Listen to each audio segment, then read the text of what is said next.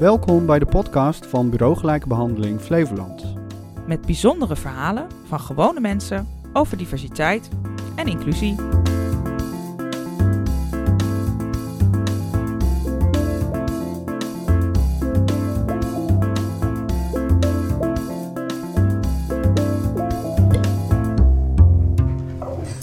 Welkom bij deze podcast van vandaag. We gaan het hebben over doorwerking van het slavernijverleden. Het is alweer bijna Kitty Kotti op 1 juli. En dat vieren we dan de afschaffing van het slavernijverleden. En vandaag hebben we Anneke Dalger van Kitty Kotti. Die heel veel weet en heel veel doet voor de zwarte gemeenschap. En voor ehm, de afschaffing van het slavernijverleden. Dat te herdenken met z'n allen. We hebben ook Magdalena, onze vrijwilliger van Bureau Gelijkbehandeling Flevoland.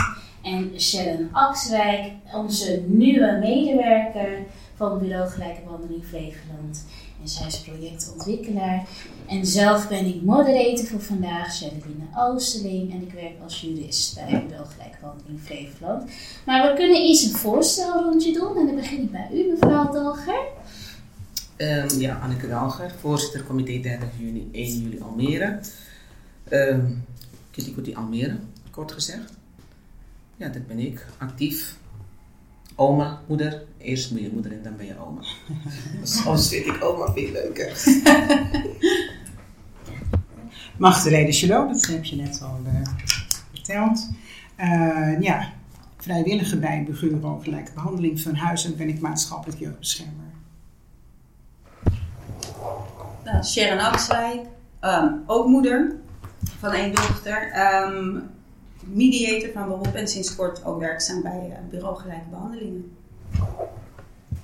Ja, nou bedankt iedereen. Ik uh, ben zelf ook moeder, dus dat hebben we dan gemeen met elkaar. Een zoontje van vijf.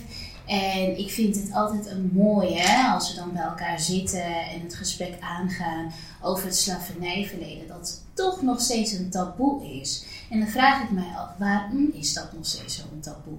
Hè, voor een ander is het heel dubbel van, hè, dat is alweer zo van die honderd jaar geleden, gaan we het daar nog steeds over hebben. En vandaag um, hebben we toch besloten om het specifiek te hebben over doorwerking van het slavernijverleden. En dan wil ik vragen aan u, mevrouw Dalga, wat betekent het slavernijverleden voor u? Um, slavernijverleden, ja, wat het voor mij betekent, het betekent gewoon een stukje onderdrukking. Voornamelijk voor wat betreft, als het om mij gaat, mijn, mijn, mijn zwarte voorouders. Uh, en dat is een stukje wat, uh, vind ik persoonlijk, onrecht wat mijn voorouders is aangedaan. En ja, om het zo uh, in moderne taal te, praten, te zeggen, een stukje karma van Nederland. Want als je iets 400 jaar geleden hebt gedaan, dan denk je dat het gebeurd is. En het is gedaan en gelaten. En je merkt nu dat het toch wel weer naar boven komt. Dus ik denk, een stukje karma. En hoe ziet u het slavernijverleden hedendaags nog terug in de huidige samenleving of in uw eigen leven?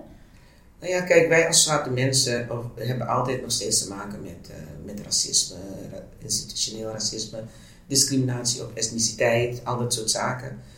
Uh, en wat mij betreft zijn, zijn dit zaken die zijn oorsprong hebben in, de, in, de, in het slavernijverleden. Want in die periode hebben witte mensen zich superieur gemaakt aan zwarte mensen. En daarmee hebben ze zwarte mensen uh, op een dusdanige ondergeschikte positie geplaatst.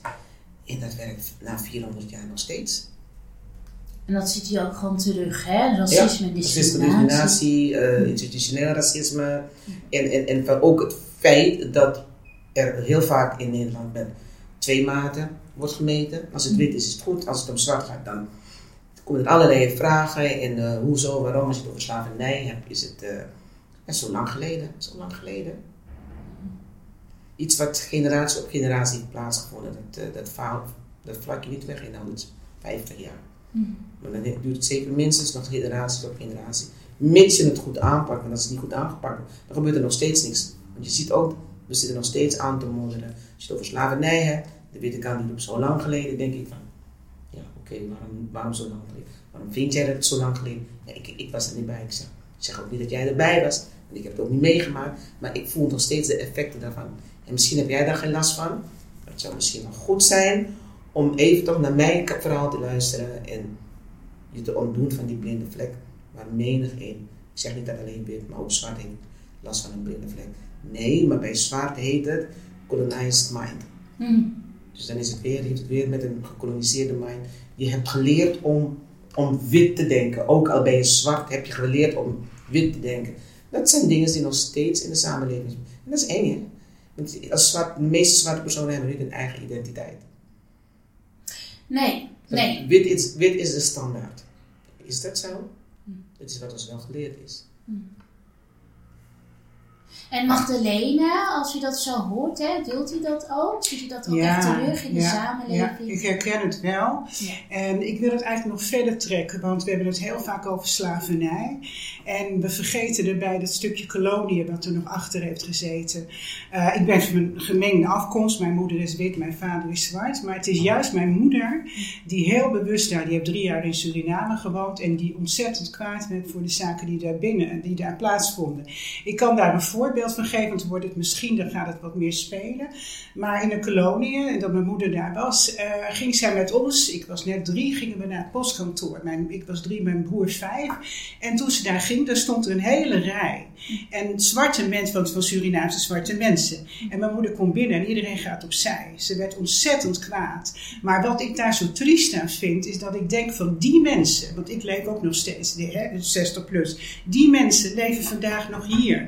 En wat moet het voor hen betekenen toen ze daar leefden, om opzij te staan voor die, opzij te gaan voor die witte mevrouw. En die zwarte mensen keken mijn moeder heel vreemd aan, maar witte mensen keken haar ook veel aan. Ze heeft zich verlaagd. Hè, getrouwd met een echte zwarte man, dat kon eigenlijk niet in die tijd. En ik vind het zo triest dat dat, dat zit in de ziel. Als jij zegt decolonizing the mind. En dat is een stukje wat, wat mij echt raakt, waarvan ik denk, Nederland, dat moeten we weten.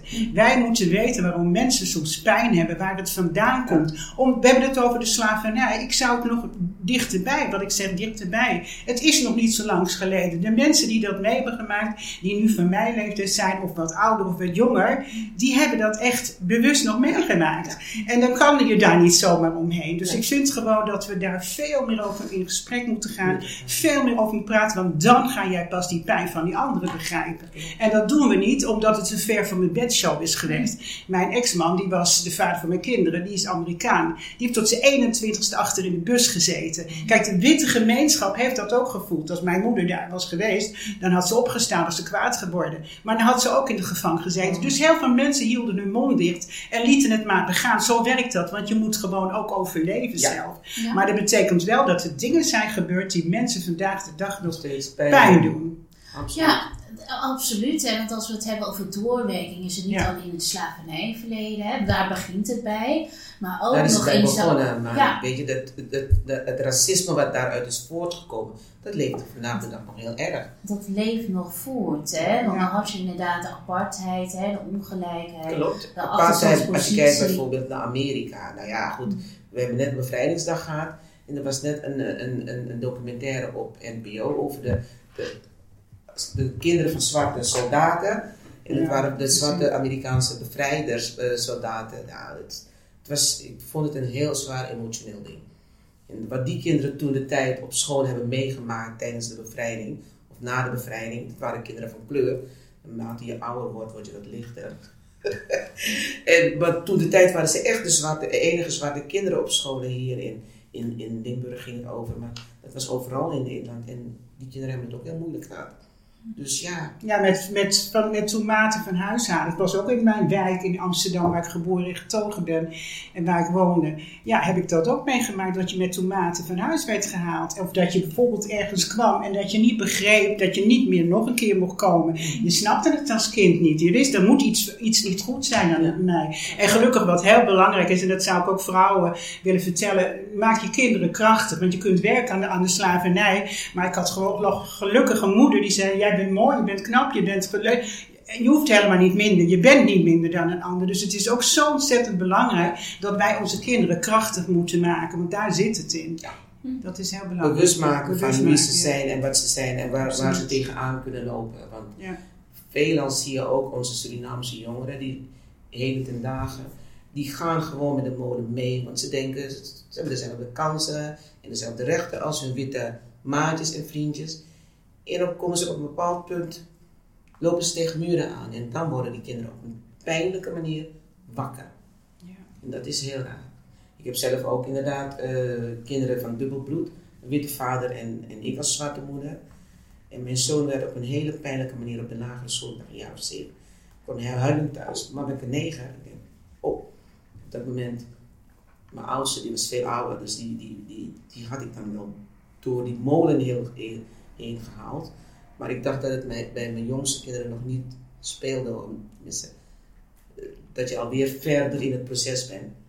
Dus toen heb ik mijn, zo- mijn zoon wel terzijde genomen. En vanaf die dag is hij wakker. En mijn jongste, die is 24, die, die weten precies waar het, eh, waar het, op, waar het op staat. En eh, kennen de klappen van de zweep. En ondanks ze, ondanks ze heel wit zijn, heb- hebben in hun ziel zijn ze heel zwart. En zo manifesteren ze zich ook. Ja, dat vind ik wel heel belangrijk wat je zegt. Want je kunt aan de buitenkant, en dat vind ik ook belangrijk. En dat moeten we ook, want daar zijn mensen zo bang voor. Nederlandse mensen, witte mensen, lijken bijna wel van, laten we er maar niet over praten. We zijn toch vrienden? Doe nou niet zo moeilijk. En terwijl ik denk van, eh, we moeten het vertellen, maar niet aanvallend. Dat is wel belangrijk. Soms zie je wel eens programma dat ik denk, wow jongens, daar gaan we niet mee verbinden met elkaar. Dat vind ik soms jammer, omdat ik denk van, jij kunt niet aan de buitenkant zien hoe iemand denkt. Jij kan niet zien, mijn moeder die een strijder was aan de buitenkant, dat het iemand was die zwart van binnen is. Dus politiek zwart. Dat kun je niet zien aan de buitenkant. En dat is ook met zwarte mensen die dan ook soms wel eens kunnen. Dit kun je niet zien. Dat komt natuurlijk van wat jij zegt, decolonizing the mind. Dat mensen soms denken van laat ik me maar zo gedragen, dan pas ik in het systeem. Mhm. Dus dat is een bewustwording. Maar ik vind dat wel heel belangrijk. Dat we een weg gaan vinden met elkaar. Dat we verbinden. Om net wat ik zei begin. Je kunt mensen niet kwalijk weten als je iets niet weet. Maar als het je verteld wordt, zoals bijvoorbeeld het Zwarte Pieter debat. Dan denk ik van, dan moet het één keer verteld worden. En dan moet je erover na gaan denken, denk ik. En, en dan gaan proberen of gaan lezen of wat dan ook. En niet blijven zeggen van... Proberen in te leven. In te leven, En precies. Empathie. Precies, empathie. Dat, ja. is wat, dat is inderdaad wat we Ja. in deze samenleving af en toe wel missen. Maar wat je zegt over dat eh, mensen zo, soms zo afvallend zijn. Ik, ja, ik zie dat ook wel om me heen, maar ik, ook dat kan ik begrijpen. Ja, dat moet ik kan het heel, erg begrijpen. Want je weet niet ja. wat mensen jarenlang Absoluut. hebben meegemaakt. Absoluut. En nu komt er een moment dat men zich kan uiten. Ja. En er komt een opening en dan komt die frustratie, die komt dan. Absoluut. Nee, maar dat is zo. Dat is woede is pijn altijd. Ja, hè? is niets anders dan pijn. want die- die dus dat komt erop. Opgekropt in pijn. Ja, opgekropt en het komt eruit. En het komt echt klopt. confronterend eruit. En, maar goed, ook dat moet je kunnen En als je het dan zelf zien. niet zo hebt meegemaakt, zoals ik zeg, vers van mijn bedshow. Hè, we leven met elkaar, we denken dat we allemaal leven, terwijl er heel veel pijn en toch dingen gebeuren, net wat je zegt, discriminatie, Ja. institu- institutionele racisme, op scholen, overal. Nou ja, we hoeven de uh, toeslagaffaire er niet eens bij te Bij noemen. halen, nee. Hè, dat hoeven we er niet eens bij te halen. Dus ik bedoel, het gebeurt. En dan, eh, ja, dan word je kwaad natuurlijk, Ja. woedend. En dan snap je dat soms niet. Maar willen we verbinden met elkaar, dan moeten we echt proberen een weg te vinden samen. Van beide kanten moeten we wat vragen, denk ik. Mijn kleindochter is 12, die heeft eh, vorige week zag ik een eh, stukje van haar in een film van, eh, eh, van de Bonte, Hond, theatergroep de Bonte Hond. Ze hadden over een drieluik vrijheid, bevrijdingsdag, Kitty Kotti en uh, India-herdenking. Meisje van 12 jaar hier geboren getogen, haar moeder hier geboren getogen. Maar goed, ja, natuurlijk zijn mij als moeder en oma, dus kennelijk heb ik toch iets gedaan wat ik nu terugzag. Ik, moest daar, ik was daar heel erg van onder de indruk. En mijn kleindochter die had een stuk geschreven naar aanleiding van het hele verhaal. Eh, zo jong zij is, toen zij het verhaal eerst vertelde, zag ik heel veel emotie. Toen dacht ik, kan dat? Dat ze het over de slavernij heeft. En het is hier geboren getogen. Ze heeft ook een witte vader. Maar er komt heel veel emotie uit. denk ik, wow. Ik weet, ik weet wel dat dingen leven, maar dat ik het zo zie bij mijn eigen kleinkind. En toen had ze een stuk geschreven over heling. Toen werd ik helemaal stil. Ik denk, wow. Dat is het, hè? Helen met elkaar. Ja, er is pijn. Ja. Het hele, het hele stuk ken ik niet uit mijn hoofd, maar toen, zei, toen had het erover van, als je met elkaar heelt, maar er zal wel, dan gaat die pijn weg. Er zal wel een litteken blijven, maar dat is oké. Want ik moet zeggen, ik heb zowel in Nederland eh, basisschoolonderwijs gehad en in Suriname basisschoolonderwijs. En dan zat ik daar ook op de Sint-Louise school, meisjesschool in een uniform en het volkslied elke dag strak zingen en bidden. maar dat was toch een ervaring. En als ik dat vergelijk, ehm, daar gaan ze zo diep op in over het slavernijverleden, VOC-honden, Indonesië. Dus dat is een, een onderwerp wat niet één keer even besproken wordt. Dat komt constant weer aan bod. En ook op de MULO-school gaat dat nog door. Uh, en hier is het, uh, ja, uh, heel nihil moet ik zeggen. Waarom? Dus ik heb me nauwelijks echt in kunnen verdiepen in het slavernijverleden door het Nederlands onderwijs. En ik denk daarbij begint het om die bewustwording te creëren. Want ook als ik in Suriname zelf was, zag ik zoveel uh, dingen, symbolen, Die plantages terug. Wat de mensen daar constant weer laat herdenken aan het verleden. Dus die pijn dichterbij ervaren. Want je ziet de plantages, je ziet alle gevonden voorwerpen van de, slavenhouders, van de slaven zelf. Ik ben naar het mu- museum daar geweest. Ik heb de ketenen gedragen wat de slaven droegen. Ik heb de gevangenissen gezien. Ah. Ik heb de, de, de oude bommen nog gezien Ja, waarmee die ze... die suikerkappen, waar suiker in gekookt werd, dat soort dingen. Ja, Dus maar, je blijft constant herinnerd worden. maar dat is het aan het verschil, hè? verleden. Dat is het verschil, hè? Ja. Kijk, het heeft in Suriname plaatsgevonden. Dus je kan het niet ontlopen, je kan het niet ontwijken. Het is er. En waarom het niet, niet in Nederland onderwezen is geworden, je merkt er amper iets van. Hm. Terwijl de meeste witte mensen weten niet dat Suriname meer dan 300 jaar een onderdeel, een gebiedsdeel van Nederland is, een overzees gebiedsdeel. Hoorde bij het Koninkrijk tot 1975. Dat al is een manco. En die erkenning ook hè, vanuit het Koninklijk Huis, hè, die excuses, dat was ook een hele discussie geworden van ga het nou wel doen of niet doen. Hè, doe het gewoon. Hè, wordt er zo om gevraagd. Voor Indonesië is het ook pas later pas erkend. Massamoorden werden daar gepleegd. Maar ehm desondanks dat, hè, dat ze aangeven, nou niemand hier die hier nog rondloopt, heeft iets te maken gehad met slavernijverleden. Maar er is nog wel heel veel profijt van dat slavernijverleden tot heden. Dus daar wordt er nog steeds van genoten. En dan mag je zelf de daden niet gepleegd hebben, maar je geniet wel van de winsten. En als je dan kijkt naar de Nederlandse Antillen of bijvoorbeeld Suriname, de ontwikkelingslanden, hè, dat is geplunderd, dat is al wat van afgenomen. En ook het cultuur, hè, de Afrikanen bijvoorbeeld, de slaven, Identiteit, die hadden geen eigen identiteit. Ja. De achternaam werd afgepakt, het cultuur werd afgepakt, hun goederen werden afgepakt, alles werd afgepakt. Maar niet alleen afgepakt, hè.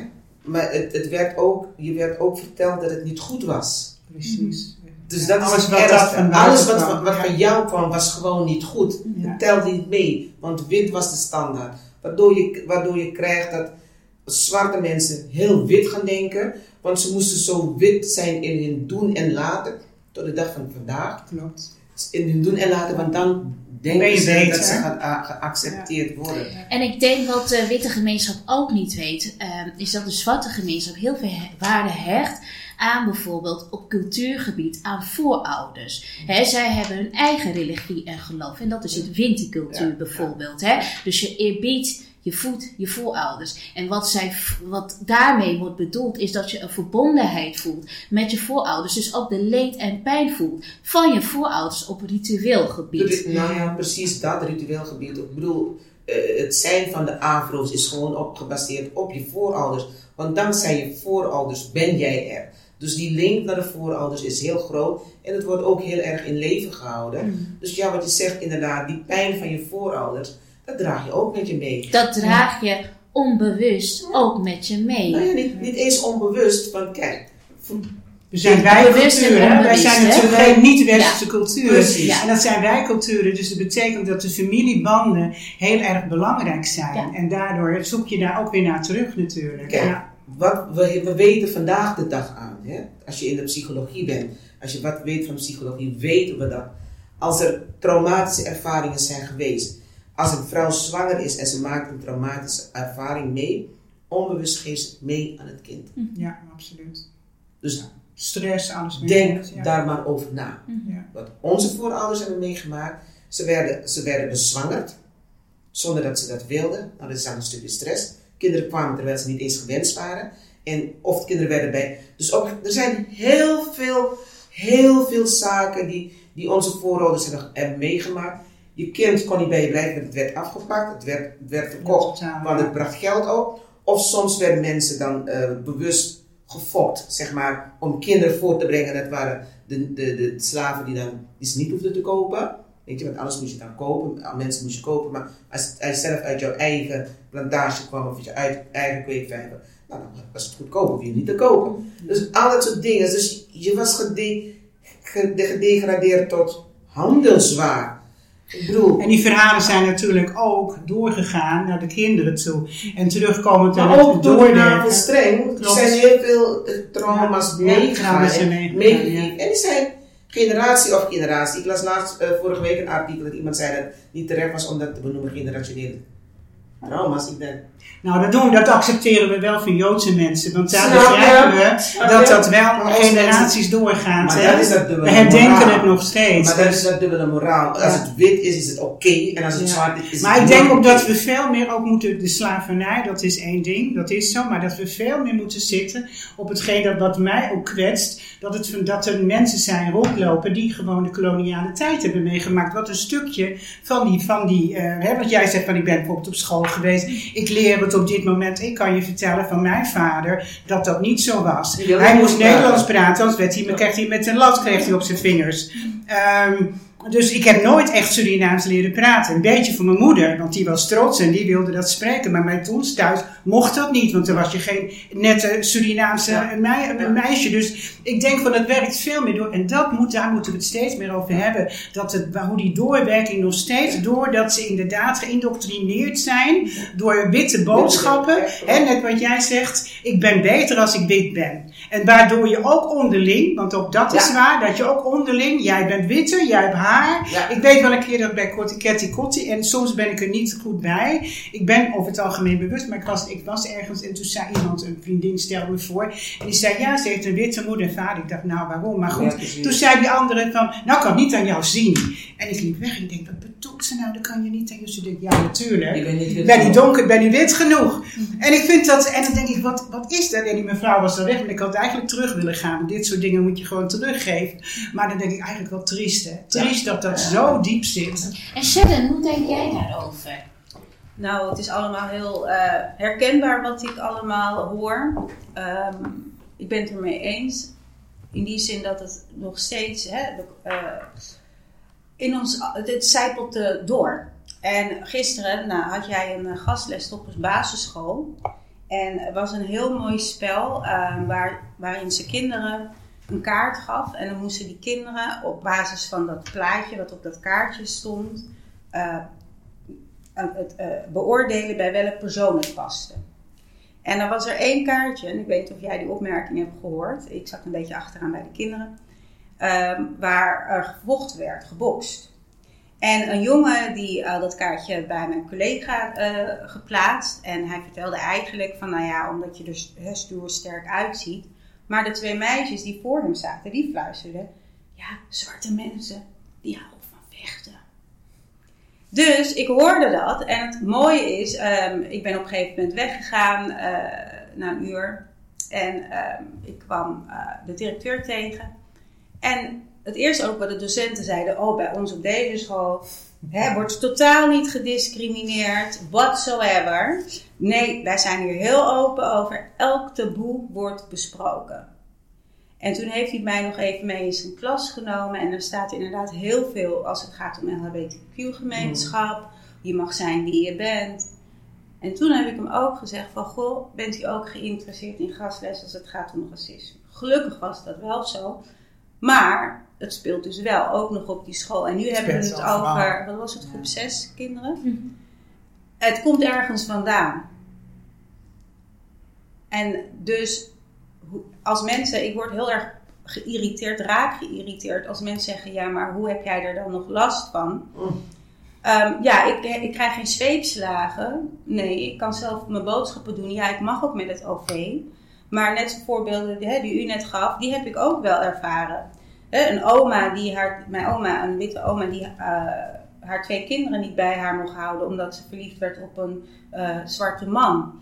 Ehm, maar mijn oom, die heeft daar nog steeds last van, want hij is vrij jong naar Nederland gekomen. En ehm, die heeft altijd gedacht, nou oma heeft mij gewoon, of zijn moeder zo eh, als babytje weggegeven. Terwijl dat eigenlijk niet was. En hij heeft het, ik heb jaren later, ehm, nu wordt alles gedigitaliseerd, kwam ik een advertentie tegen van mijn oma. Dat zij, toen hij inmiddels al zes was, ehm, met haar zijn vader wilde trouwen. Dus ze hebben eigenlijk al die tijd stiekem toch wel contact gehouden. Ze werd 30. Vroeger moest je toestemming krijgen tot je 30 Tot je om te 30, mogen, ja. mogen trouwen. Ze werd 30. Ze dacht, nou, mijn vader is lekker ook in Nederland. Ik ga trouwen.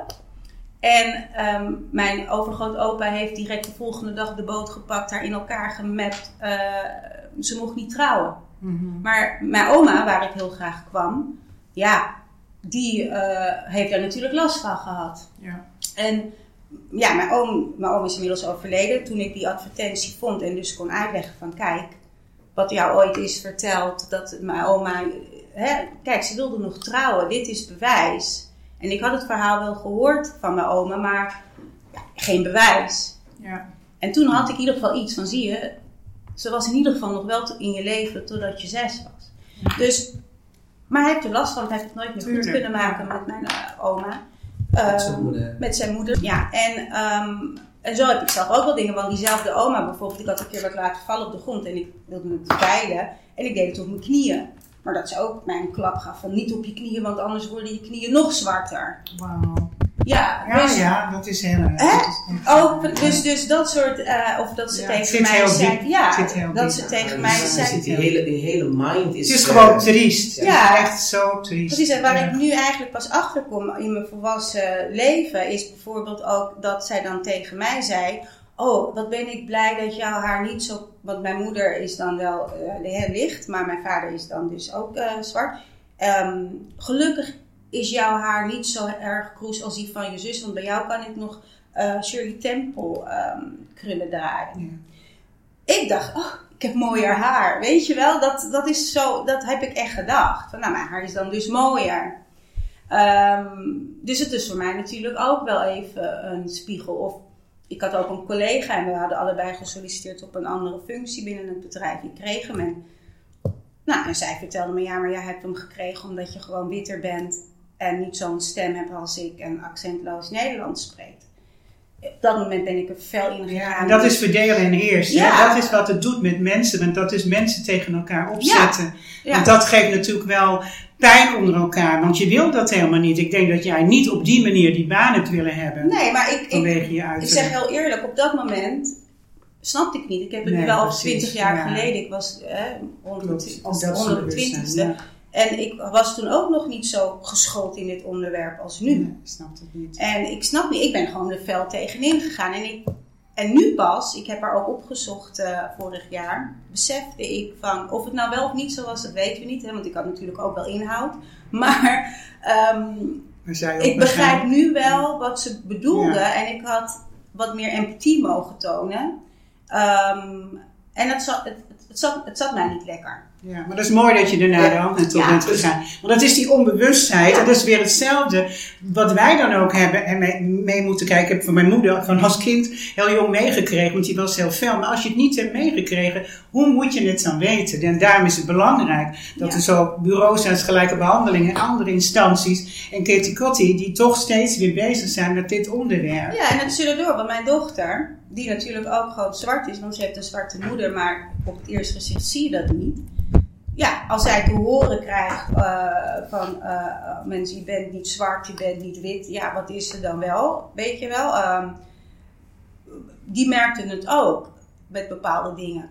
Eh, ehm, bijvoorbeeld toen we in Suriname waren, zaten we bij een, nou, ik zal geen naam noemen, maar een van de grotere westerse witte tentjes vlakbij Tonarica. En er was een ober, en ik vergeet dit nooit meer. Het deed me zoveel pijn. En er was een witte eh, vader en moeder, die hadden een dochter die daar stage liep. En het was druk. En op een gegeven moment staat hij onze bestelling op te nemen. Wij hebben ook netjes moeten wachten. En zij bleven maar roepen, roepen, roepen, roepen. Ik negeer. De ober zegt, moment mevrouw, ik ga hun toch maar even eerst helpen. Dus ik, pardon, je zit midden in onze eh, bestelling. En hij zegt, ja maar u weet toch, zij brengen het geld binnen. Ja, dat niet dan? En Ja. eerst, eerst was het even van, hoor ik dat goed? Dus ik vroeg hem van, hoor ik je dit nu zeggen? Ik moest even nadenken, wat bedoelt hij? Hij liep erheen, toen heb ik hem teruggeroepen. Ik zei, wacht even, dus ik mag hier gratis eten vandaag? Ja. Wat bedoel je? Nee, weet toch, mijn baas zegt, ik ha- haal hem nu.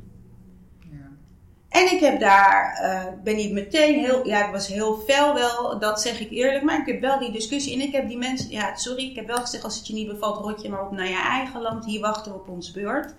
En dat voelde eigenlijk, zeg ik heel eerlijk, heel erg goed om dat een keertje te mogen zeggen, alhoewel dat misschien niet heel slim was. Maar ehm, ik had wel zoiets van, het, het zijpelt dus nog steeds door. Ja, dat is, dat is het waar het om gaat. Hè? Het gaat, Ja. maar, het gaat En- maar en- door. En je zei het al eerder, het verdelen in de heerspolitiek. En dat, Dat is dat, is, dat is daaruit En voortgekomen. dat is daar het. Want er is, er is op een gegeven moment wordt er een, een, een, een, een scheiding gemaakt. Het gaat van wit is goed. En hoe meer kleur, hoe minder het wordt. Nou ja, dat was natuurlijk al vroeger in de even teruggaan, want we maken die koppelingslijn slavernij, daar hebben we het over. Met het heden nog steeds. Je had natuurlijk de slavenhandelaar, die maakte kinderen met zwarte vrouwen, die hadden er niks over te zeggen. Daar kwamen mixte kindertjes uit. En nog weer gemixte kinderen. En dan mochten de, de, de wat lichtere kinderen, die mochten dan gewoon thuis het huishouden doen. En was je zwart, dan mocht je buiten gaan. En ik zeg dat wel eens als voorbeeld van, stel voor dat ik in Zuid-Afrika of in de kolonie had geleefd. Dan had mijn moeder de baas geweest van een winkel. Ik mocht achter de kassen. En mijn echte zwarte klein, mijn kinderen die echt, en kleinkinderen die goed zwart zijn, die hadden dus in feite gewoon het schoonmaakwerk mogen doen. En dat is verdeleneerd. En wat doet dat met mensen? En dat is wat Ja, mij raakt onderling ook. Hè? Ook onderling met zwarte mensen. En dat is wat we bewust moeten zijn met elkaar. Klopt. Dit zijn dingen die bij ons in de familie ook heel erg speelden. Wij hadden, eh, verhalen zijn het, eh, ja, generaties over generaties verteld. We hadden dan, zeg maar, mijn, mijn overgrootmoeder, nee, de bedovergrootmoeder, die was dan helemaal wit, omdat zij dan ook alweer kind was van een, een, zwarte eh, moeder en een witte vader. En die uit Afrika kwamen, dat noemden zij toen de zoutwaternegers, om het zo te zeggen. En die hadden dan de dan geloof ik. die hadden de oceanen, de reis over de oceaan gemaakt. En ehm, nou, de kinderen werden lichter en die gingen allemaal in huis werken. Maar die zwarte kinderen die dan ook uit voortkwamen, die, er waren bij ons twee, drie zussen, er waren twee witte en één zwarte. Maar die twee witte die waren heel dol op die zwarte zus. En dus bij ons in de familie, en dan zie je die kant ook, maar die, die, die zwarte kant, die is zwaar getraumatiseerd. En die is zwaar getraumatiseerd. Ik heb, ik heb die oud-tante nog gekend. En ehm, kinderen van haar gekend. En die, die, die vertelde hoe, hoe vreselijk zij ook mishandeld werd. Alleen maar om die zwarte kant. Ja, vreselijk. Ja. En terwijl haar zussen, die wat witter waren, die, die waren dol op haar. Maar die, die, die, die behandeling die zij kreeg van, van, vanuit de, de, de meester, zeg maar. En van, nee, dat, dat was er niet. Maar ik denk dat het voor de, het maakt gewoon bij een schizofrenie eh, vormende mensen. Ja. Omdat als je van je zus houdt of van je kind houdt, en jij bent een zwarte moeder en je houdt van je witte kind, maar je kind wordt nog beter behandeld dan ja, jijzelf, wat moet dat met mensen doen? En dat vind ik zo belangrijk, om dat aspect, wat, wat dat met mensen doet, om dat veel meer aan het voetlicht te brengen, veel meer aan Nederland te vertellen. Jongens, dit is het wat mensen doet. En dat is niet twee, twee is- 300 jaar geleden, dan hebben we het over 50 jaar geleden. Precies. Daar moet het over de, gaan. de, de doorwerking. Precies. We praten over de doorwerking. Dingen die zijn gebeurd, die zijn echt stelselmatig gecreëerd. Waardoor je mensen helemaal hebt geïndoctrineerd. Ja. Mijn eh, nicht die, eh, is ook, eh, was ook het domverste kind. Het eerste kind van een tante van mij. En ehm, die is ook op die- zo'n manier opgevoed. En dat heeft inderdaad psychische problemen veroorzaakt. En ze heeft zelfmoord gepleegd met Ja. drie jonge Ja. kinderen toen. Ja. Ja. Ja. Ehm, omdat het deels, nou ja, grotendeels, gewoon je zelfbeeld, je, hè, je ontwikkelt gewoon psychisch. Een, een, een very low self-esteem. Ja, zelfesteem. Ja. En dat is gewoon gebeurd. Ja. En, ehm, ja, en dat, het zijpelt ook weer door op haar kinderen. Hè? Want jullie kennen het verhaal. Waarom heeft mama dat gedaan? Hoe is zij dan grootgebracht? Waar kwam dat vandaan? Ze hebben dossiers gelezen inmiddels bij jeugdzorg. Ja, ga dat nou maar uitleggen. Ik zou willen dat daar nou eens een keer een goed Ja. programma over zou komen, of een goed boek, waar je dit soort verhalen van de mensen die nog aan leven zijn, die dat in, mijn moeder heeft mij behoorlijk wat verhalen verteld, maar die in de koloniën leefden en dat allemaal hebben nog meegemaakt. Misschien Ja, die dat een story. Ja, maar echt. Ik ben 60 plus 60 plus hè. Ik ben Ja, Suriname precies. geboren. Ja, Ik ben op mijn 16e hier naartoe gekomen. Ik daarom, heb daar de lagere school, de middelbare school gedaan voor een deel. Hier verder gegaan. Ik heb ook dat, mijn verhaal te vertellen. Op mijn negende kwam ik voor het eerst met het slavernijverleden in, in, in aanraking. In ieder geval de geschiedenis kreeg ik dan op de lagere school. Vierde klas lagere school was het toen. Tegenwoordig groep 6. En vanaf dat moment kwam er iets in mij in opstand. Ik, de, de onrecht ik heb meteen, vanaf, vanaf dat moment heb, heeft het mij gevormd. Ik ben gaan nadenken over slavernij. Ik ben gaan nadenken over, over, over zwarte mensen, over, over zwarte mensen in zijn geheel. Ik heb, vanaf dat moment heb ik gerebelleerd. En ik, heb, ik, ik ben bewust geworden van op negenjarige leeftijd, als meisje van negen jaar, ik ben me meteen bewust geworden. Ik moet zeggen, ik heb mensen van mijn leeftijd gezien, die, die kunnen mij nog steeds niet volgen. Mhm. Want ik zit al zoveel verder in de decolonizing the mind vanaf mijn negende. En ik moet zeggen, ik ben enorm blij dat ik vanaf dat moment als kind die inzichten heb. Het was een inzicht die ik had. En dat ik voelde dat het niet goed was. Dus dat maakt nu dat ik ook met dit onderwerp eh, bezig ben. Dat, dat komt daar ook uit voort. Omdat- Ja, dat tegen en je, moet, onrecht. en je moet een gevoel van onrecht hebben. Want als ik naar mijn moeder kijk, ik heb er ook met de paplepel als kind in gekeken. Maar mijn vader, die niet wilde dat we Surinaams praten, die had dat zoiets van: doe maar niet, weet je, Ja. doe maar niet, doe maar rustig, want dan worden ze boos. Mijn moeder zei: pot, verdikken mijn benen, helemaal Nee, maar- gek, we gaan het niet Maar accepteren. weet je hoe Maar dat, dat is het, hè? weet je waar dit vandaan komt? Ja, want hij een lieve zo gelijk. Nee, dat niet alleen. Zwarte mensen waren ook bang voor witte mensen. Als je, als je hoort hoe, hoe zeg maar op een gegeven moment de, de mensen in Afrika, in, als witte mensen waren duivels. De dingen die Ja. ze deden, zo werden ze gezien. Oh, ik heb een witte duivel gezien. Want die dingen die, die hun overkwamen door de witte mensen, het waren, het Ja, maar ook, ook een kwestie van geaccepteerd willen zijn, want dat wilde hij natuurlijk ook in deze samenleving. Mag ik ook even Ja. voor de luisteraars, Ja. want heel veel de- denken misschien, hè, wat, wat deden ze dan zo, hè, als het duivels waren? Maar bijvoorbeeld het lynchen, het ophangen van de Ja, heel veel, dingen. feestmaaltijd werd dat gezien, hè, dat eh, slaven verbrand werden. Die lijfstraffen. Ik bedoel, want Ja, ik bedoel, die mensen werden zo dan pak slaag. Daarom tot nu toe is in Suriname, het is niet geaccepteerd hoor. Maar dat je je kind slaat, Ja. dat komt daaruit Exact, dat voort. wilde ik nog eens net zeggen. Hè? Veel eh, witte mensen zeggen ook, ja, maar jullie eh, slaan jullie kinderen. Waar kwam dat vandaan? Lijfstraffen, sorry. Het was eh, in Suriname, zwarte mensen wisten niet beter dan als je iets deed wat niet goed moest, kreeg je een ja. Ja, en ik denk nog erger ook. Ja. Juist omdat je zo naar die witte samenleving laat Ja. zien. Ik voed mijn kind goed. Ik wil dat ze beleefd zijn. Ja. Want ik bedoel, je een vader in de ogen kijken, dat mocht ook niet. De master in niet in de ogen kijken, dat mocht ook niet. Nee. Dat is weer zo'n ding. Want dan ben je brutaal mee hè? Niet vragen Uit waarom. Precies. Jij als zwarte mocht jouw meester niet in de ogen ogen kijken. Ja. aankijken. En als kind Als- mocht ik dat ook niet. Als je, kind, als, je, als je meester tegen je sprak, ja meester, master. Dan moest je gewoon echt met gebogen hoofd stond je daar. Want hij, hij deelde de lakens uit. Hij bepaalde je leven. Want als je, oh wee, als je opkeek, nou dan kreeg je slagen hoor. En laten we eerlijk zijn. Wie wil gemarteld worden? Wie wil pijn voelen? Nee, Niemand. Niet, nee. En, Nee. en daarom denk ik dat, ze, dat de opvoeding die gegeven is, zoals mijn vader dat een op- bepaalde opvoeding gaf, heeft alles te maken met ik wil mijn kinderen dat ze netjes, dat ze het gaan maken in de maatschappij. Dus ik moet ze zo wit mogelijk opvoeden en zo netjes eh, doen. En dat komt allemaal daar vandaan. En de- ja. En heel veel weten ook niet, hè, want dat gaat dus over de slaven, dat, hè, dat onmenselijk en wreeddadig behandelen. Ze werden niet gezien als menswaardig, maar als middel voor een economisch doel is ze handel. gezien. Het is handel. absoluut. En inderdaad, als handel. En eh, heel veel denken van, oké, 1863 was dus de afschaffing van de slavernij. Maar dat heeft nog tien jaar doorgewerkt, hè, onder hele slechte eh, nou, arbeidsomstandigheden. ja, zijn het arbeidsomstandigheden. Ze werden nauwelijks tot eh, bijna niet betaald.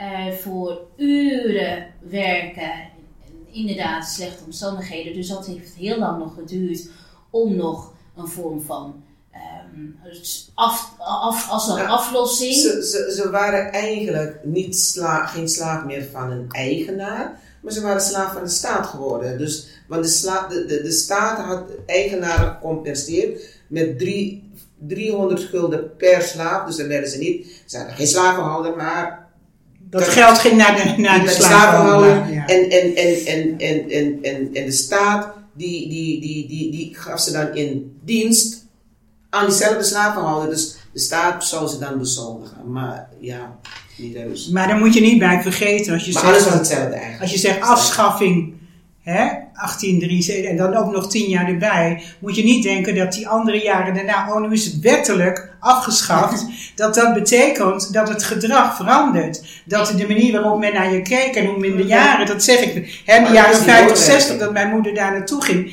Nou, ik heb je dat verhaal net verteld. Dat is, daar werden mensen toch nog als minder bekeken. Dus dat is de afschaffing slavernij. Ja, dat is zo lang geleden. Nee, het ging nog heel een tijd door. Dat hoor je Ja. niet. En heel veel mensen weten niet wat voor weerstand er toen was. Heel veel wilden niet dat de slavernij werd afgeschaft. En daardoor werden de zwarte gemeenschap nog steeds onmenselijk be- benaderd en behandeld. En dat is zo lang doorgegaan. Dus het racisme en het slavengedachtegoed als, als dat hoort, zij zijn een object en een middel aan zich om te gebruiken. Dat is generatie op generatie doorgaan. Dus er mag het wel geschreven staan als wettelijk afgeschaft. Maar dat is Maar in de praktijk was dat niet het geval. En dan zie je dat ook in het hedendaags, hè?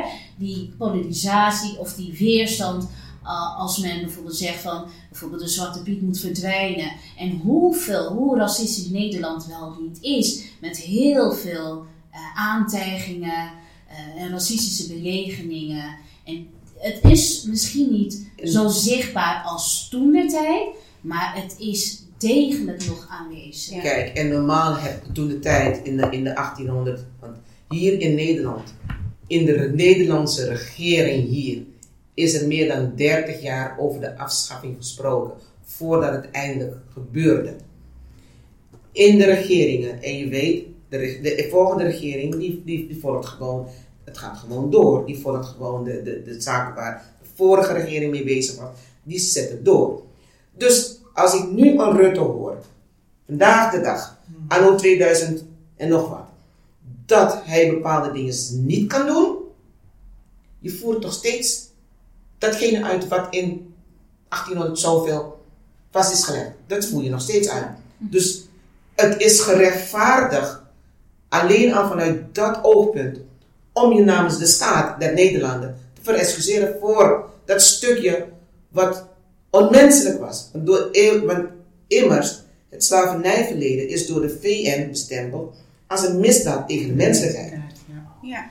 En daardoor heb je ook nog steeds de kansongelijkheid. Want de zwarte gemeenschap heeft niet dat gouden lepeltje of in een, in een wiegepetje dat in, Nee. in een, hè, van, met het kapitalisme, dat hebben ze niet. Nee. Dus die voorsprong, hè, ze hebben al een achterstand. Hè? En sowieso zijn het ook al ontwikkelingslanden, want het is ook eh, ja, geplunderd, achtergelaten. Zo is het voor de zwarte ook al constant achter de feiten aangaan voor een positie en daar ook heel vaak armoede. Nou, als je het over armoede hebt, dan denk ik ook heel even, het is niet het onderwerp, dus ik ga het er niet te lang over hebben. Maar onze Surinaamse ouderen, die inderdaad gewoon altijd, we hebben het gezegd, we hebben verteld wat ze hebben meegemaakt in de koloniën. Hè, dat ze zich minder hebben moeten voelen, dat ze hebben moeten buigen. En dat ze naar, dan naar Nederland zijn gekomen om de, te- voor de onafhankelijkheid. En dat er mensen zijn die een 800 gehad. euro, voor 800 euro moeten leven op dit moment, omdat ze gekort worden, omdat ze niet meer, omdat er een of andere wet in 1990, die zei ineens van, nou ja, weet je, we gaan het niet meer erkennen. Het is alleen maar als je hier in Europa dat hebt opgebouwd, dan krijg je dat geld. Dus ik heb gesproken met verschillende Surinaamse, vooral natuurlijk vrouwen die geen pensioen hebben gebouwd, die een korting hebben, soms van 800, 900 euro. Dus als je het over gelijkheid hebt en over armoede, dan vind ik dit schrijnend als je dit soort verhalen hoort. Want deze vrouwen, dat was misschien die vrouw die in die lijn stond als kind, die toen opzij ging voor mijn moeder of voor andere witte mensen. Weet je wel? En dan denk ik van, en nu wordt ze weer gestraft. En dat vind ik echt dat ik denk, jongens, daar moeten we echt iets met elkaar aan doen. Dat Dit is echt heel erg. Dat heb ik ook dat heb ik aan de lijf ondervonden. Want mijn moeder is, is van 100 jaar geleden Ja. eh, Ik heb, ik heb mezelf die brieven onder ogen gezien waarbij haar verteld werd dat ze zeg maar niet voor een volledige AOW in aanmerking kwam. Omdat zij is onder de Nederlandse vlag geboren. Ook Maar- gevoed, woont. Alles tot, als je niet op Nederlands grondgebied in Europa hebt gewoond, telt, het niet mee. Het meer. Nou ja, en dat is eigenlijk ook waar ik even op wil inhaken. Wat, wat gaan we er met z'n allen aan doen? Ehm, de vinger op de zere plek leggen. Mijn dochter die is eh, eerste jaar ehm studenten aan, het, eh, aan de UvA. Studeerde political science. En nou ja, ik, ik, eh, ze vroeg zich echt af. Nou ja, vroeg. Ze heeft eens een discussie aangegaan met een professor. Omdat die in de les zei, in de lecture zei... Mensen met meer geld hebben beter, recht op beter onderwijs. Zo. Waarop mijn dochter, die heel activistisch is en eh, hè, van alles en nog wat doet, eh, die, die wel een beter geschoold was op haar leeftijd dan ik over dit onderwerp. Die op een gegeven moment hè, ze dit onderwerp ook aan. Ook gewoon van, nou ja, of je nou zwart-wit bent, als jij dus niet uit het verkeerde nest bent geboren, dan heb jij dus eigenlijk geen recht op goed onderwijs. Onderwijs is niet een privilege, maar een recht. Maar zij zit dan in een internationale klas. Met eh, dus eh, oorsprong geen Nederlandse mensen. En eigenlijk worden dus ook al deze, en het waren dan voornamelijk witte mensen, allemaal al ingedoctrineerd met het feit dat je dus daar zit. En ik, zij komt dan niet van, ik bedoel, ik ben geen miljonair. Maar dat je dus eigenlijk al beter bent omdat je daar zit, bij hem college mag volgen. Want die internationale studenten betalen een hogere fee. Hij wist niet dat mijn dochter een Nederlandse eh, is. Ehm, dus dat wordt eigenlijk op onze Nederlandse universiteiten al zo onderwezen. En deze man die geeft ook de Nederlandse klas. Nou, ik zou er wel even wat aan gaan doen. Nou, dat Ja. heeft ze ook zeer zeker, Zeker. gedaan. Ze is ook van studie nu geswitcht, want ze gaat nu... Ja, wilt, Ik zou het melden. ja, dat, dat- we hebben dat ook zeker gedaan. Maar je wordt dus eigenlijk al, er wordt dus al zo Ja, onderwezen. Want eh, eh, er is geen enkele neutraliteit. Hij Nee. is zijn mening aan het Ja, dat is zijn onderwijzen. Je, je hoeft het En- niet eens zo ver, want als je naar de universiteit gaat, dan heb je daar een hele ook van onderwijs achter je. Onze kinderen die geen gewoon vanaf, de, hebben. vanaf, vanaf, de, vanaf de basisschool aan zitten. Ja, want het voorbeeld En de wat ik eerder gaf is al groep 6. Kijk, en, en eerder hoorde ik u zeggen van kijk, wij moeten onze kinderen krachtig opvoeden en noem maar op. Klopt. Ehm, ik las laatst een interview van mij terug wat ik 15 jaar geleden heb gegeven. En iets stoorde me, maar ik heb het wel gezegd, want het klopt. Ehm, mijn moeder heeft me altijd geleerd, je afkomst mag niet een excuus zijn om iets niet te bereiken. Klopt. Maar aan de andere kant, als ik dan dus wel iets heb, had ervaren, dan ontkende ik het. Want het mag geen excuus zijn. Dus ik wilde het niet zien. Dus, het was, dus nu ik ouder word en dingen teruglees en ga begrijpen, denk ik, ja, want eh, Anneke weet het, als je mij een jaar of anderhalf jaar geleden vroeg, heb ik ooit iets ervaren? Zei ik, nou eigenlijk niet. Ik had geluk, ik zat op een Montessori school, dit, dat. Nee, ik, ik sloot mijn ogen, Ja, want mijn Onbewust, afkomst- hè, afkomst... onbewust. Ja, Ja, onbewust. Ja. Precies. Of het Ehm, niet weten. Ja, want mijn afkomst moet geen excuus zijn. Dus ik heb het wel, ik heb het wel bereikt. Ik heb alleen 500.000 keer harder gewerkt. Ja.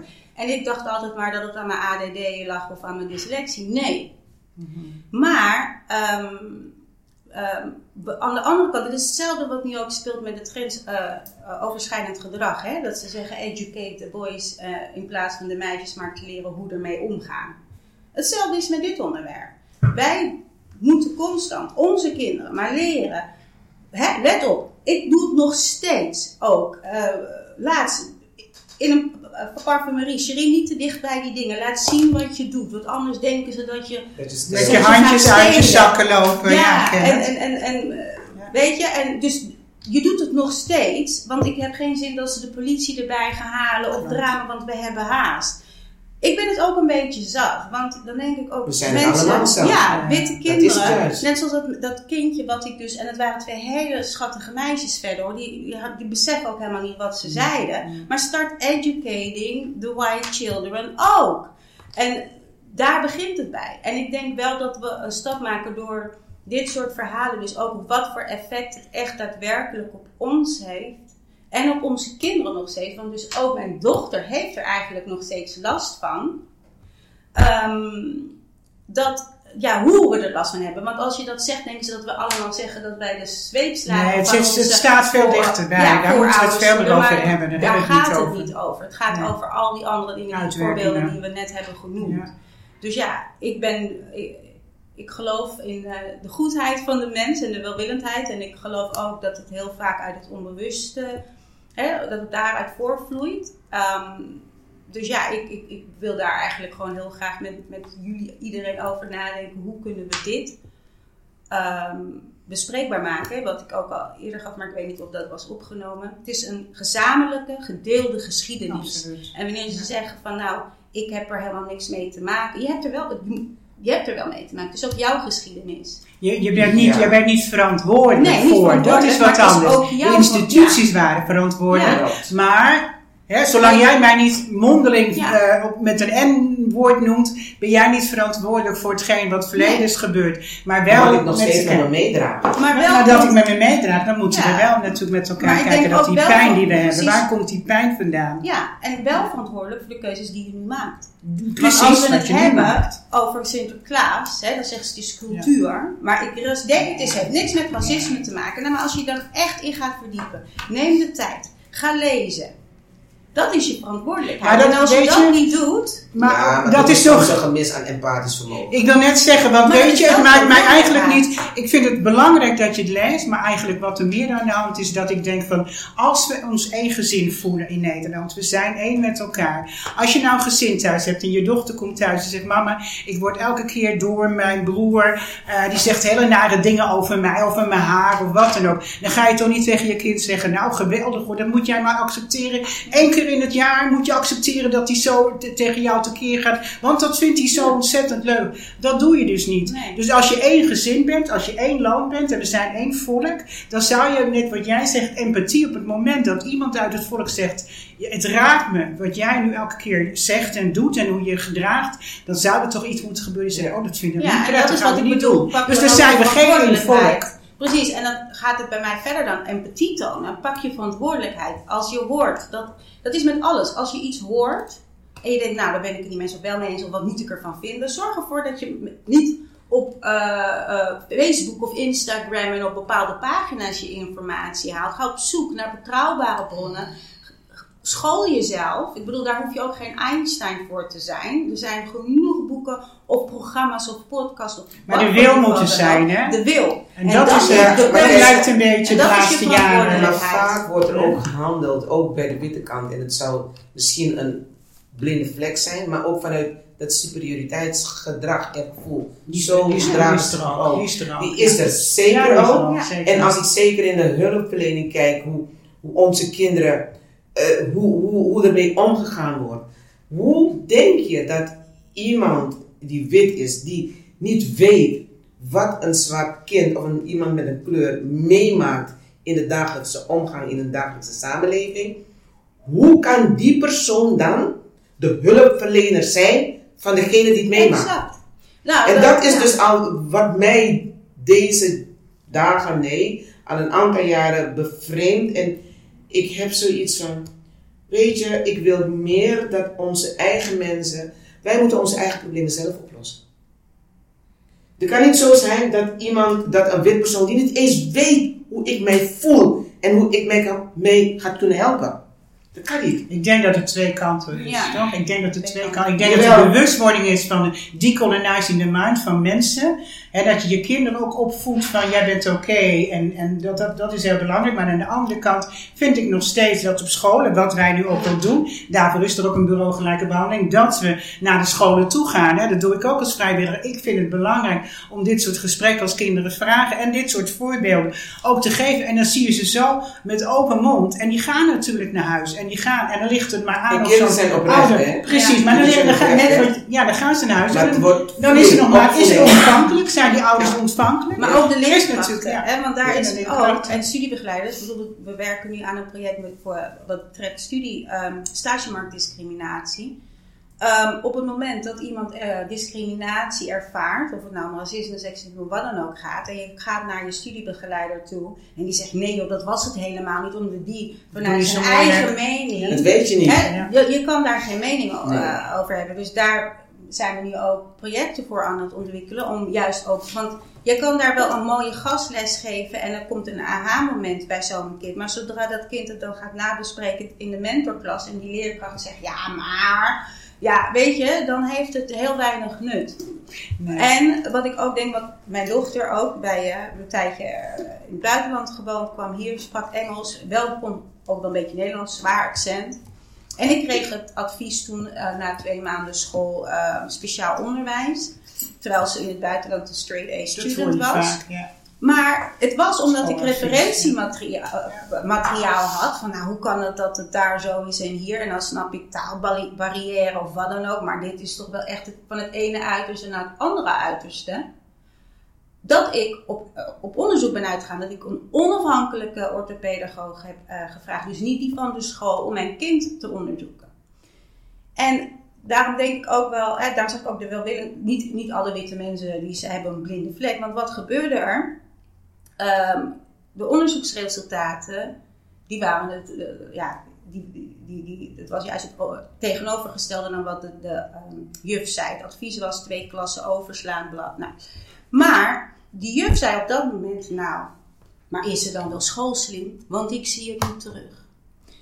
Nou, misschien Ik- een ander en ander. Nou ja, en dat wat ik ook eerder zeg, mijn bewustwording is vrij laat ge- eh, gekomen. Misschien ook naïviteit, het ook niet willen inzien van dat mensen echt zo Dat kunnen zijn. Maar, maar hè, want- waarschijnlijk ook nog dat geïndoctrineerde Ja. ja, ik denk precies, Absoluut. zeker Zeker. weten. Want ik, was, ik had het helemaal niet door dat mijn kind op dat moment werd gediscrimineerd. Haar vader wel, ik had het nog niet. Waarop ik eigenlijk aan juf zeg van, maar goh, hoe, ziet, hè, hoe, eh, wat, wat, hoe kan ik zorgen dan voor dat ze het wel laat zien? Of wat is er aan de hand?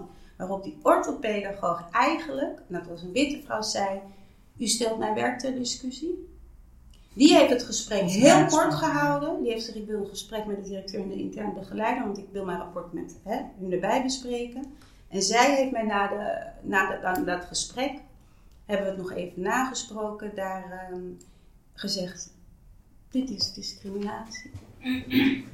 Om Ja, die en gebeurt die en die en die reden. Ja. En het gebeurt. en toen pas, zij heeft echt een half uur op mij moeten inpraten voordat ik.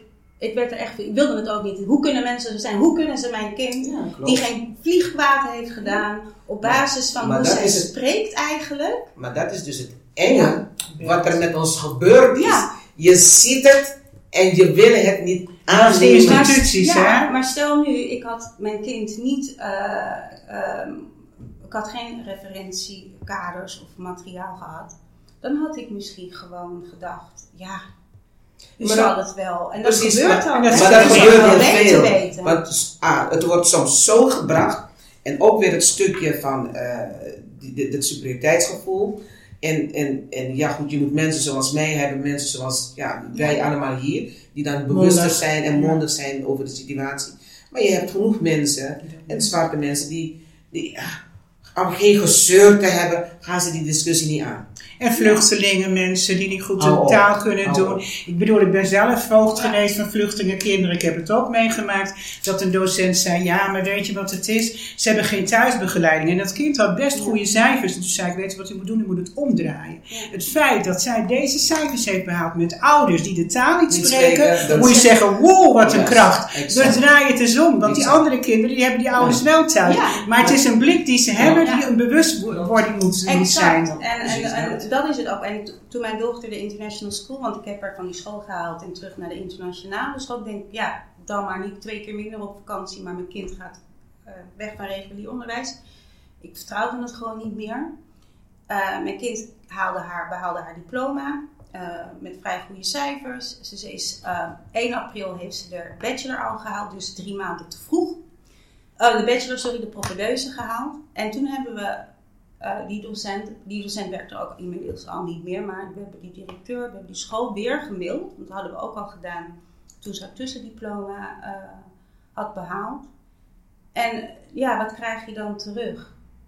Ja, eh, ja, nou, ik ben blij dat het nu goed met haar gaat. Maar mijn winnen. dochter, die heeft wel E EDMR-therapie moeten Ja. volgen. Omdat EMDR. het niet, of EMDR, omdat het niet uit haar hoofd Ja, ging. Ja. Ben jij wel schoolslim? Dus ze heeft er na twee jaar niet laten zien op, haar, op de international school wat ze kon. Want ze dacht, Ja, maar ik ben... Ik maar weet je, ik denk dat je het dat- over jou, jouw dochter specifiek. Maar zo zijn er maar heel zo veel. zijn er Zo zijn er, zoveel ja. Want het is niet alleen zwart-wit, hè. Het zijn ook kinderen van. Ja. lage scholen, ouders. Ook daar is er een blik van, ze zijn niet goed genoeg. En ik Ja. denk wat dan wel, want ik vind wetten altijd heel belangrijk.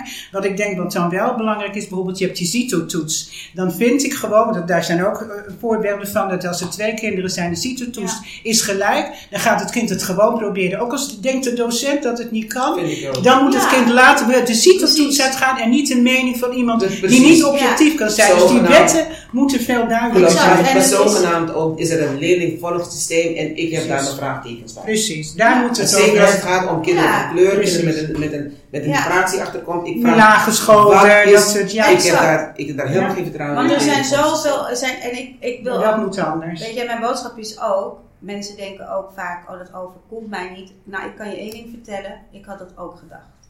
Ik ben hier, ik ben nooit in Suriname, want ik ben hier geboren, getogen. Ik kende het schoolsysteem goed. Ik ehm, heb mijn school gewoon vlot doorlopen en alles. En ik had nooit gedacht, nooit gedacht, dat dit mijn kind zou overkomen. Sterker nog, eh, haar vader en ik waren het erover eens dat we haar in Nederland wilden laten opbrengen. En niet in de andere landen waar we wonen, omdat we daar te nationalistisch vonden en het onderwijs. En juist in Nederland hè, is het wat, wat, wat ehm, eh, hebben we wat een open, open eh, is het blik wat, zijn we niet zo small-minded. En ehm, toen kwamen we from all places in Almere terecht. En, en we moesten dit ervaren. Of Heel veel, heel veel gezinnen ja, ervaren ik had echt nooit gedacht dat dit ons zou overkomen. Ja. Dus ik weet hoeveel andere Ja, kinderen absoluut. ehm, dat zo wel ervaren. Of nog één voorbeeld. Mijn vader die werd een paar jaar ernstig ziek. Via een omweg kwam hij terecht in een verpleeghuis tijdelijk in Ede, waar ze hem zogenaamd heel goed eh, konden diagnoseren. Mijn vader werd heel erg geïrriteerd en hij belde, of ik werd een paar keer gebeld, je vader is ag- agressief, eh, we willen hem mensen bla bla bla. Ja. En ik hoorde dan op een gegeven moment ook op de achtergrond een beetje schreeuwen. Ik ben er naartoe gereisd van nee, dat wil ik niet. Ik wil eerst zelf de situatie beoordelen en ik was zo bang. En ik kom daar en ik zeg, pa, wat is er hier gaande? En zei die mensen denken dat ik een idioot ben. Die denken echt dat ik een Je of bent je bent dom. Ja, ik zeg, wat is er dan gebeurd? Ja, die arts kon me vragen of ik een tolk nodig heb. Ah, wat Dus ik spreekt Nederland beter Nederlands Ja. natuurlijk, want dat is Ja, erin, ja. dat is erin Ja, geslagen, dus, het Nederlands. dus die, deze man op Oh, zijn dat is eh, vreselijk. 83ste, Misschien die- dat hij een beetje... die, een, die Ja. behoorlijk wat Ja. heeft gedaan ook voor onze maatschappij, voor zowel wit als zwart, die moet gewoon horen terwijl hij doodziek is. Moet ik even een tolk voor u regelen, want u begrijpt mij vast niet. Ja, ja, dat is een toen dat hij- is vooringenomenheid. Ja, ja, dat, is- nou, dat zegt misschien iets moet van u- deze arts. Ja, toen Ja. zei hij, Ja. misschien moet u uw geschiedenisboeken even erbij gaan pakken. Of eventjes gaan googelen. Want, eh, en even gaan lezen over de Surinaamse geschiedenis. Toen, vond, ja, en toen, kreeg, toen kreeg ik ook, en het klopte, want op een gegeven moment zei ze ook, ja, misschien is hij aan het dementeren. Toen dachten ze, willen ze het op de mensen gooien. Hij weet niet waar hij het over heeft. Hij praat, spreekt wartaal. Dat wa- was mij al eerder verteld. En toen heb ik mijn vader, en heb ik mijn vader die dingen gevraagd. Maar heb je dit gezegd? Heb je dat gezegd? Heb je dat gezegd? Hij zegt ja. Dan moeten ze me maar geen domme vragen stellen. Als je, domme, als je mij vraagt of ik heb gebaat als Surinaamse man, is het een belediging. Dus hij zegt: Nee, ga jij me even uitleggen wat baden betekent? Wat, wat, Oh. Weet je wel? Dus hij doet dan. Dus ik heb het uitgelegd van, nou ja, het is. En dan zeggen ze: Ja, nee, dat is dement. Hij was op zijn manier aan het rebelleren. Of in ieder Ja. geval, het werd meteen... Hij zette zich tegen het gedrag van ja, arts. Ja. En hij werd meteen Ja, verklaard. precies. Ja, ik denk dat er, er zijn Ja. tientallen van Nou, dit soort voorbeelden. En het is triest wat, Ja. wat er Ja, is, plaatsvindt. We... er, er is heel veel werk aan de winkel. Absoluut. Er is echt Absoluut. heel veel werk. Absoluut. Nog één, in dit, mijn mijn kleinzoon die is nu tien, een paar jaar geleden, die, wij hadden het over racisme. Zaten lekker in zo'n kabelband een jaar geleden. En we spraken over alles. En mijn kleinzoon, die is helemaal wit, rood, rood haar. En hij zegt tegen mij, oh, ik zeg, ja wat dan? Hij zegt, nou ja, ik hoor die jongens bij mij op school ook wel. Ik hoor ze wel, hè. Ik zeg, wat dan? Hij zegt, maar oh, wees iets over mijn moeder zeggen, hè. Ik pak ze. Ik zeg, oh, neem mij maar mee als ik pakken. Ja, maar zo is het wel natuurlijk. Hè? Dat is de, onre- de onrechtvaardigheid wat in, wat in jouw zoon zit. Want je Hij toch ziet, een hij, hij ziet het, maar hij is wit en hij weet Ja, maar dat, dat zeg ik, je kunt niet, je kunt niet aan de buitenkant. Ja, precies. En Want dat vind ik een mooie afsluiting. Precies, want daar gaat het uiteindelijk om. Je kunt niemand beoordelen doordat iemand het echt persoonlijk gedaan heeft. Ja. Mooie afsluiting. Nee, inderdaad, dat vind ik ook. Maar ehm, als we één ding mogen opnoemen, Elke, hè, wat zou helpen om de ketenen, of ja, hoe zeg je dat, hè, om de doorwerking van het slavernijverleden te doorbreken? En dat hoorde ik al, hè, meer bewustwording, meer erkenning. En het zou mooi zijn als het ook nationaal erkend wordt. 1 juli, zodat het inderdaad een gedeeltelijk eh, afschaffing en feest is Het is, het is een gedeelde geschiedenis. Gedeelde geschiedenis. Absoluut. Dat Dus, en we moeten die, die bewustzijn ook, ook vergroten. Dat iedereen, alle kanten, het ook accepteren als een, een, een gedeelde geschiedenis. Ja. En wat heb je daarvoor nodig? Ja, themaavonden. Tijdens Kitty Kotti doen we heel vaak dialoog. Mhm. Om de gesprekken aan te gaan met mensen. Door corona hebben we een aantal eh, gesprekken gehad. Maar nu corona, ik zeg niet dat het weg is, daar ben ik heel voorzichtig mee. Maar goed, nu we toch elkaar meer kunnen ontmoeten, wil ik dat zeker als organisatie meer eh, gaan agenderen. Er staat ook wel heel veel op de agenda. Om het met plaats te laten vinden en eh, ja, die Ja. Aspilo gelijkbehandeling daar ook in meenemen om, meenemen om dat te promoten. Dat mensen daarin, eh, daar naartoe kunnen gaan om het gesprek met elkaar te hebben. Ja, zeker. Ook die voorlichting, hè. Ja. van Voorlichting is altijd. Maar ook vanuit de politiek, hè, dat daar meer, hè, dat kan veel meer. En dat, want dat is toch een voorbeeldfunctie voor de maatschappij. niet echt. hoor. Politiek, nou, Nee, als je meneer Nou, Rutte hoort veel. van als het je nu niet bevalt, ga je maar weg. precies. Tegen onze Marokkaanse jongeren, Als je- als je- als je dan hoort- als je eh, hoort- noem ik dat geen voorbeeld. Als het nationaal erkend wordt, hè, dan zal de maatschappij daar ook meer bewustwording van kunnen Dat, krijgen. alleen dan. dan dat we elke organisatie één voor één dat zou moeten doen met campagnes en voorlichtingen. Dus vanuit de politiek kan je veel meer mensen bereiken. Sowieso. Dat- Dat, zou- dat zou het idee moeten zijn. Ja, maar toch denk ik dezelfde van, politiek wordt het gaat- veel gepolariseerd, waardoor de mensen tegen elkaar opgezet worden. En ook dit stip wordt door sommige partijen, zeker in de Tweede Kamer, wordt het ook al van tafel geveegd. Precies. Ik denk ook dat je het, als je het merkt, denk ik van, het begint bij ons als mensen. Wij moeten met elkaar omgaan. Bijvoorbeeld, ik heb een stichtingmens, ik heb een partijmens, waar wij ook dit soort dingen allemaal agenderen. Maar wij zijn ook gewoon op de, we gaan naar buurthuizen toe, waar we dan inderdaad een kring met mensen, nodigen we mensen uit en hebben we kaartjes. En dan vragen we bijvoorbeeld, goh, heeft u ooit wel eens een, eh, iemand van een andere kleur thuis gehad? Klopt. Ga maar eens met elkaar in gesprek. Ja. Ga maar met, dat is het. En als dat als een, als, als zeg bijvoorbeeld een steentje in de vijver gooit, dan krijg je rimpels. Dus dat moet gaan uitbreiden. Ik denk dat we dat veel meer moeten gaan doen. Bewustwording op scholen. Hè, wat bureau gelijkbehandeling, dat is absoluut, want daar begint het bij onze kinderen. Maar ik denk ook dat wij mensen gewoon individueel het kunnen uitbreiden door in onze buurten, waar mensen soms met elkaar discrimineren of elkaar niet begrijpen, laten we daar met elkaar eens in gesprek gaan. Ik denk dat dat belangrijk is. Maar de politiek, ja, daar zitten ook heel veel belangen natuurlijk. Hè? Dat, eh, dat, eh, en er zijn ook wat rechtse partijen op dit moment, daar gaan we het allemaal niet van winnen. En daar moet je het ook niet, eh, daar moet je ook niet veel energie in stoppen waar jij denkt dat je het niet kunt halen. Wetten wel, zoals we het over de school hebben gehad. Als het om wetten gaat, dat, dat eh, beoordeling van kinderen, dat kinderen geen stageplekken kunnen krijgen. Ja, dat moet voor de wetten moet dat, moet dat gewoon vastgelegd worden. Dat je om sommige dingen niet heen kunt. Hè? Dat voorbeeld wat je gaf. Als je zegt CITO-toets, dat is geldend. En niet een oordeel van een docent. Kijk, dan heb je al bepaalde rechten. Dat vind ik wel belangrijk. Maar qua mensen met elkaar moeten we het met elkaar gaan doen. Nou, dan wil ik daarover nog wat zeggen. Ja. Kijk, al die mensen die zeg maar hier in Nederland binnen zijn gekomen, die hebben hun stinkende best gedaan, of die doen nog steeds hun stinkende best to fit in, Ja. om, om, om zich aan te passen. Maar wat mij eigenlijk iedere keer verbaast is, wat ik zeg, wit is nu aan zet, want ook die moet zich aanpassen om de ander binnen te laten. Kijk, je kan wel binnenkomen, maar als je niet omarmd wordt of je, je, kijk, aanpassen doe je aan beide kanten. Het is niet een Nee, absoluut. Dus ik zou die andere kant willen oproepen. Pas je Ja. ook aan. Nederland is niet wit meer. Als het ooit wit is geweest, zal het ook nooit meer wit zijn. Nou, Nederland is nooit alleen Is maar nooit wit. Nederlanders. Er is altijd, we hebben de hugenoten gehad, we hebben de Ja, Franken, we hebben de zijn- Maar die Spanjaarden. zijn wit, dus die vallen niet op. Ja, nou, dat zo hebben ze niet gezien hoor, Nee, Italianen. precies. En, eh, Precies, werden maar niet zo jij en ik gezien. hebben een kleurtje en we zullen altijd, Ja, als we ja, in klopt. eeuwen blijven, zullen we altijd het is blijven. Als je is zichtbaar bent, dan... Eh, pak je verantwoordelijkheid. Het is net hetzelfde als dat een... eh, Integratie, het woord zegt het al. Het integratie is twee kanten. Ja. Het is niet aan één kant. Nou ja, het is eh, eigenlijk inderdaad gewoon pak je verantwoordelijkheid. Het is even om een heel concreet plaats voorbeeld te noemen. Ik krijg wel eens horen, ja, maar ik heb een eh, buurvrouw of iemand die eigenlijk nog eh, zwarter is dan dat jij bent. En die vindt Sinterklaas geen eh, racisme. Het- dan stel ik de vraag terug, maar heb je de persoon ook gevraagd waarom zij of hij het niet eens is met mijn stelling? Want daar ben ik dan ook naar benieuwd. Maar Waar zij of hij haar Die wil, die wil, die, die, Ja. she wants to fit in. Precies, dat is mijn eerste Of vraag. Van, heb je haar, hem dat gevraagd waarom wij hè, van mening verschillen?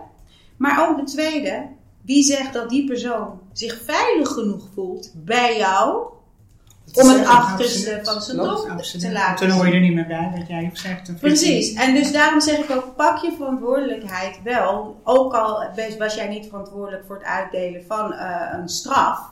Maar nu is het wel dat hè, je hoort van alle kanten hoor je iets in plaats van defensief te reageren en het te willen ontkennen. Nee, maar ik discrimineer niet. Zolang jij blijft zeggen Sinterklaas is onderdeel van onze cultuur, dan zeg je dus onze cultuur is dus racistisch.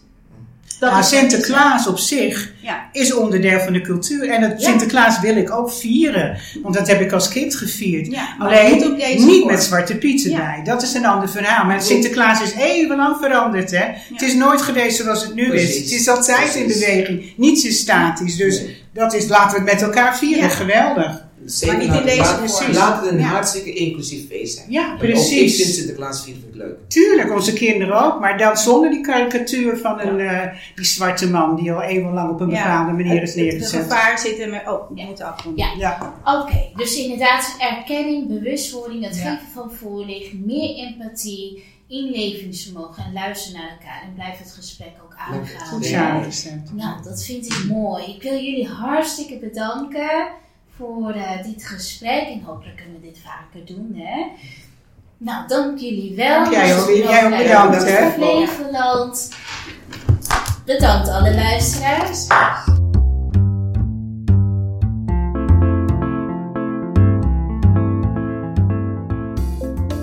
Dit was de podcast van Bureau Gelijkbehandeling Flevoland. Voor meer bijzondere verhalen van gewone mensen, volg ons via Spotify, iTunes of Soundcloud.